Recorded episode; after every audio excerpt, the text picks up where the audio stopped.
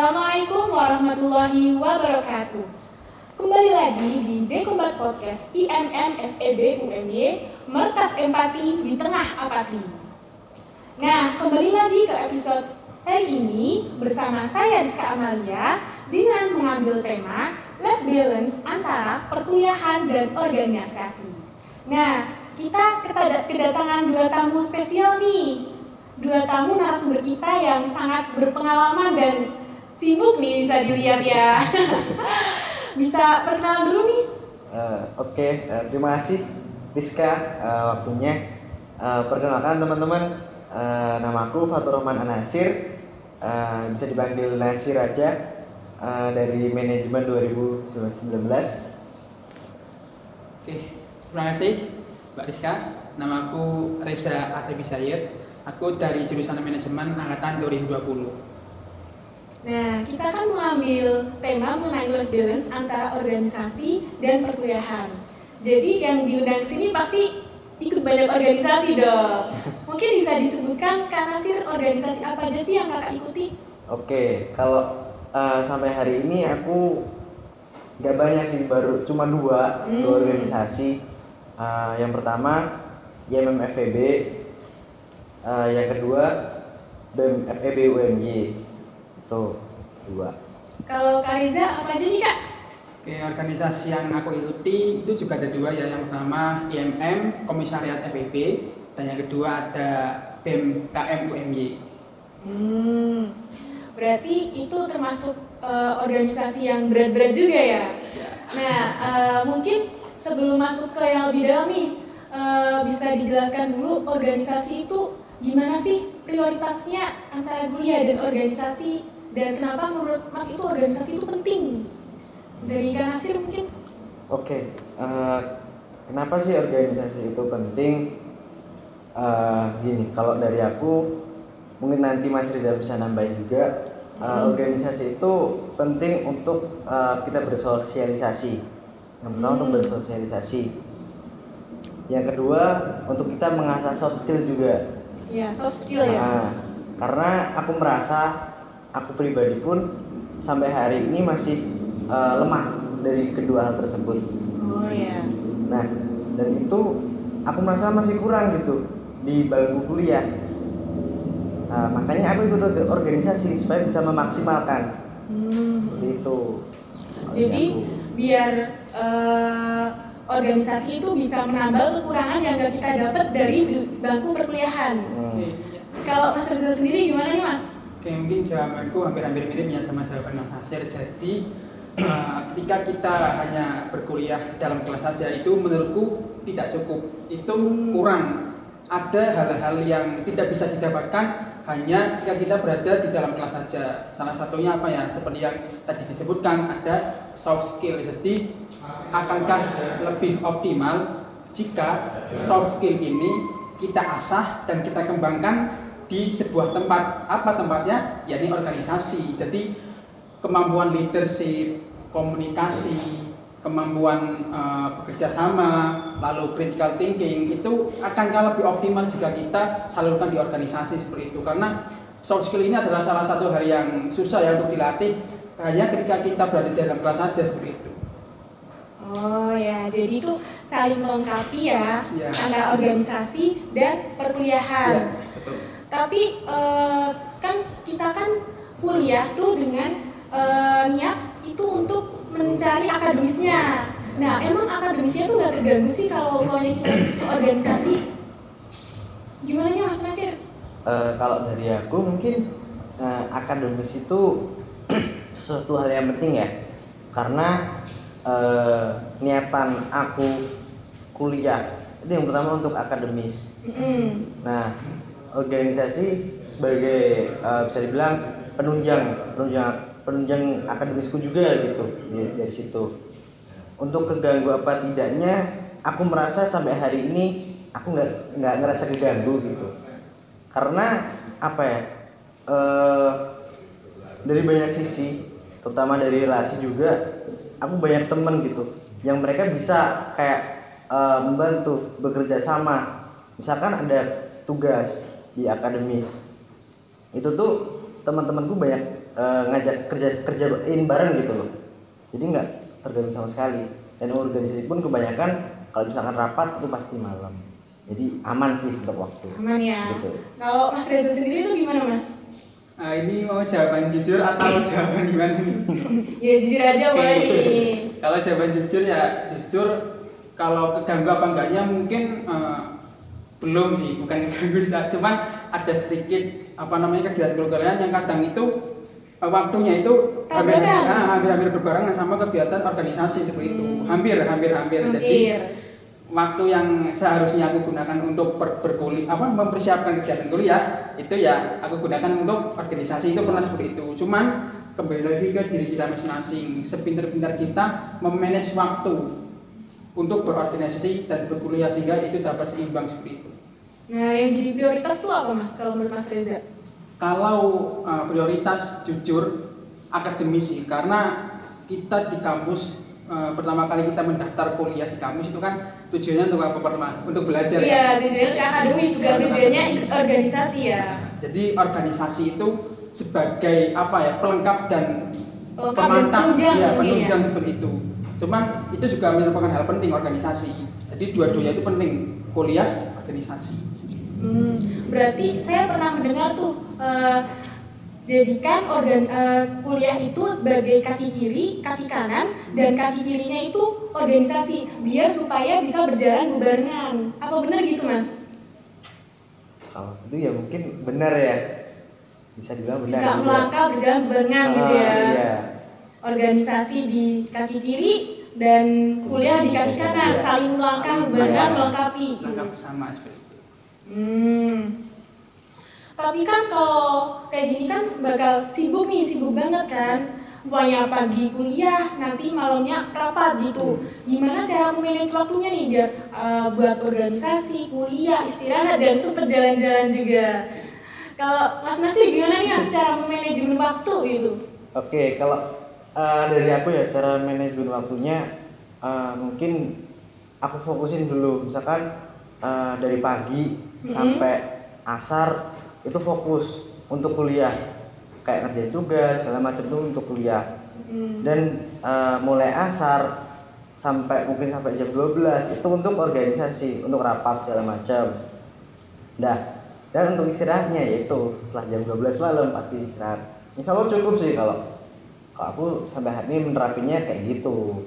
Nah, jadi manajemen waktu juga menurut prioritas dulu ya. Hmm, Uh, jadi kalau main main-mainnya nanti weekend deh gitu ya. Iya, Tetap butuh main-main ya jalan-jalan. tetap butuh, masih tetap butuh. Nah kalau Mas Reza sih gimana? Secara Mas Reza manajemen waktu Oke. biar balance kan antara kuliah dan organisasi. Oke mungkin eh, ini pertanyaan yang sangat real sekali ya dengan kondisi sekarang karena jujur aja aku sekarang sedang berusaha nih semaksimal mungkin supaya bisa menyeimbangkan antara organisasi dan berkuliah di satu sisi. Perkuliahan tetap jalan di sisi lain organisasi pun juga tetap aktif itu Hmm. aku ada beberapa tips beberapa tips dan saran uh, bagi teman-teman nih yang sedang aktif berorganisasi. Cuman di sisi lain juga tetap ingin uh, apa namanya kuliahnya juga jalan tidak tertinggal begitu yang pertama uh, biasanya aku itu membuat to-do list to-do list Oh. hal-hal apa saja sih yang harus aku lakukan hari ini seperti itu. Aku Ditulis tulis ya? ya aku tulis. Jadi eh, dulu di kamarku itu itu ada papan tulis besar. Hmm. nah aku nulis tuh hal-hal apa saja yang aku harus lakukan hari itu. Karena apa? Karena eh, otak manusia itu kan sangat terbatas ya jadi Iya.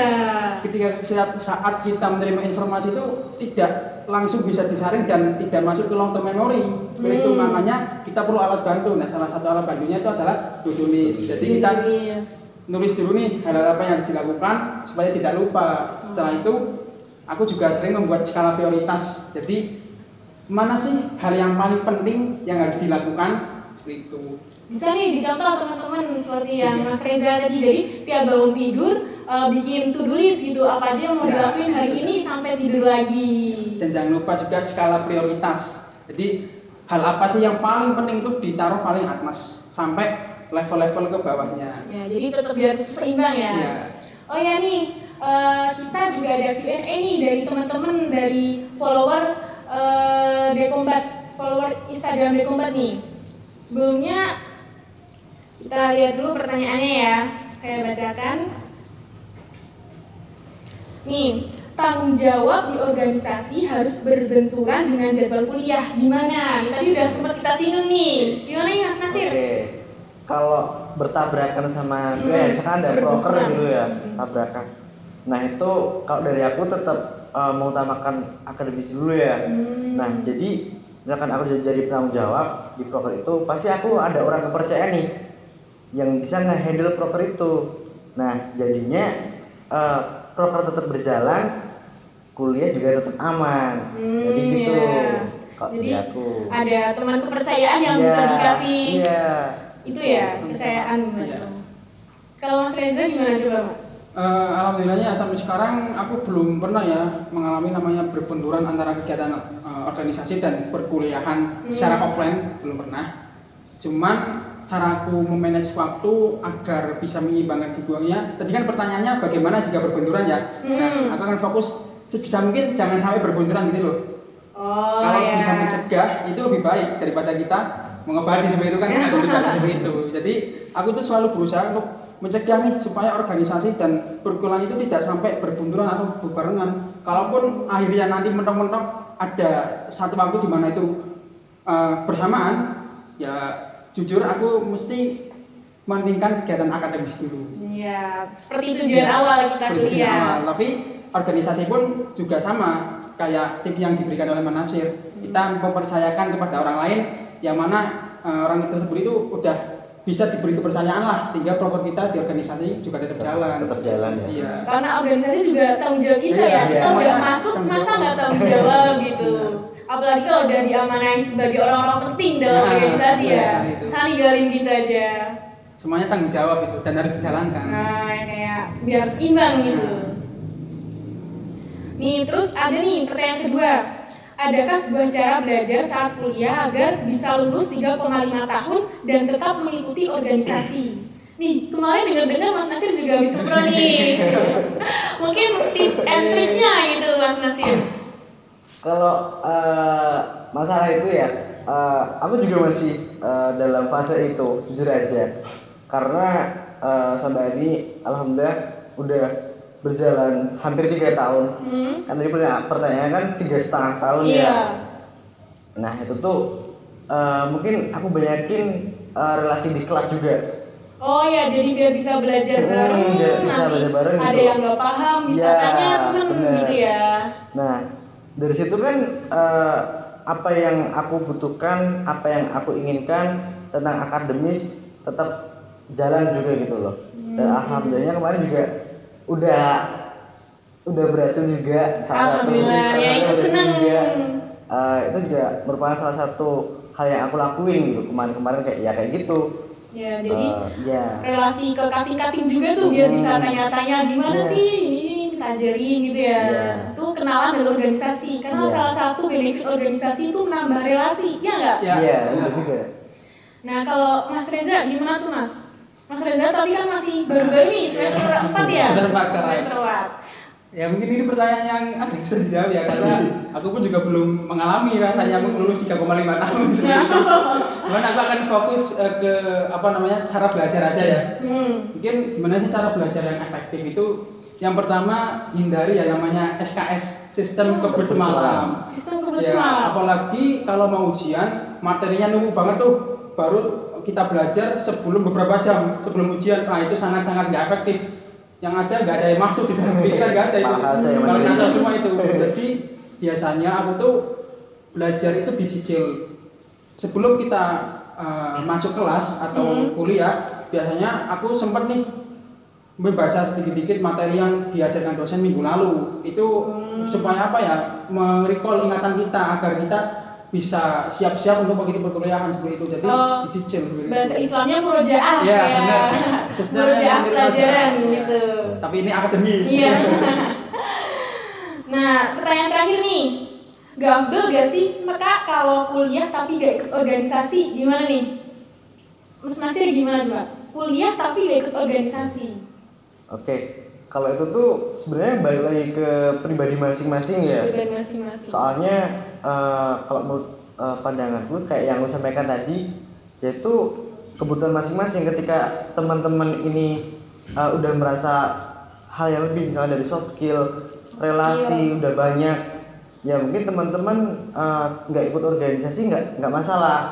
Tetapi ketika mungkin teman-teman merasa masih punya kekurangan di soft skill yang terutama itu teman-teman uh, bisa ikut organisasi untuk menambah kekurangannya tersebut kayak yang terjadi sama aku sendiri ya yang jelas Karena di dunia kerja sekarang tuh setelah lulus tuh bukan IPK lagi kan ya yang Iya. dilihat gimana soft skillnya, uh, kepemimpinannya, Iya. apa saja yang dia bisa dan biasanya kayak gitu tuh lebih diasah di organisasi apa betul mas?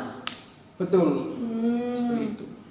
Kalau Mas Reza sih gimana nih ya tanggapannya kalau Hmm. kuliah tapi nggak ikut organisasi? Jadi uh, bahasanya tuh kupu-kupu kuliah pulang kuliah pulang gitu mahasiswa kupu-kupu. jawabanku eh, mungkin sebisa mungkin ikut organisasi ya tapi kembali lagi ke pribadi masing-masing benar seperti yang dikatakan oleh Mas, Mas Nasir jadi kita juga harus melihat kebutuhan kita itu apa sih seperti itu dan yang paling penting kita sebagai mahasiswa yang aktif berorganisasi itu jangan mengejar mahasiswa yang bisa dikatakan kuliah pulang kuliah pulang sebagai mahasiswa yang apa namanya nggak ada value-nya atau mahasiswa yang eh, sukanya rebahan kita jangan mengejar seperti itu karena ya itu pilihan mereka sendiri dan ikut organisasi pun juga pilihan kita maka sebisa mungkin kita tetap fokus dengan organisasi yang kita jalani agar diri kita itu bisa makin berkembang seperti itulah Oh ya, dan kembali ke diri kita sendiri Ya, nih, kita kita sendiri. gimana Hmm. gitu.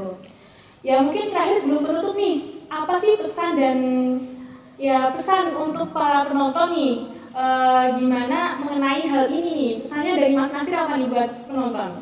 Ya mungkin kalau dari aku eh, buat teman-teman, terutama teman-teman yang eh, aktif di berbagai organisasi, Hmm. eh, teman-teman harus ingat juga eh, teman-teman itu eh, di UMY itu eh, kuliah jangan lupakan kuliah juga, walaupun teman-teman punya tanggung jawab organisasi, eh, jangan lupa belajar juga biar teman-teman juga tercapai semuanya dan juga su- sukses sukses kuliahnya, sukses organisasinya juga. Tinggal pesan dari Mas Reza nih, keren banget pesan dari Mas Nasir, tinggal dari Mas Reza. Pesanku bagi teman-teman semua, yang pertama, bagi teman-teman yang belum bergabung dalam organisasi, cobalah ikuti organisasi. Minimal satu, satu dulu aja. Karena apa? Karena organisasi itu penting sekali ya teman-teman. Organisasi itu adalah wadah bagi kita untuk mengasah soft skill nih. Soft skill itu sangat dibutuhkan teman-teman. Apalagi ketika kita lulus kuliah, yang mana kita dihadapkan dengan dunia kerja dan dunia kerja itu sangat berbeda dengan dunia perkirahan. Di mana di dalam dunia kerja soft skill itu salah satu hal yang sangat-sangat dibutuhkan. Lalu yang kedua, pesanku untuk teman-teman yang sudah aktif berorganisasi, organisasi, jangan lupa teman-teman, teman-teman juga punya tanggungan kuliah. Maka sebisa mungkin seimbangkan antara organisasi dan berkuliah. Di satu sisi organisasi jalan, di sisi lain kuliah pun juga oke seperti itu. biar berjalan berbarengan Ya, berjalan gitu. berbarengan. Jadi nanti pas lulus kita organisasinya udah dapet jos dan setelah itu kuliahnya kita bisa lulus lulus dengan dengan bekal yang mantap. Gitu ya. Mungkin episode kali ini kita sudahi dulu dan sampai jumpa di podcast-podcast Dekombat selanjutnya. Bila hisabil haq, fastabiqul khairat. Wassalamualaikum warahmatullahi wabarakatuh.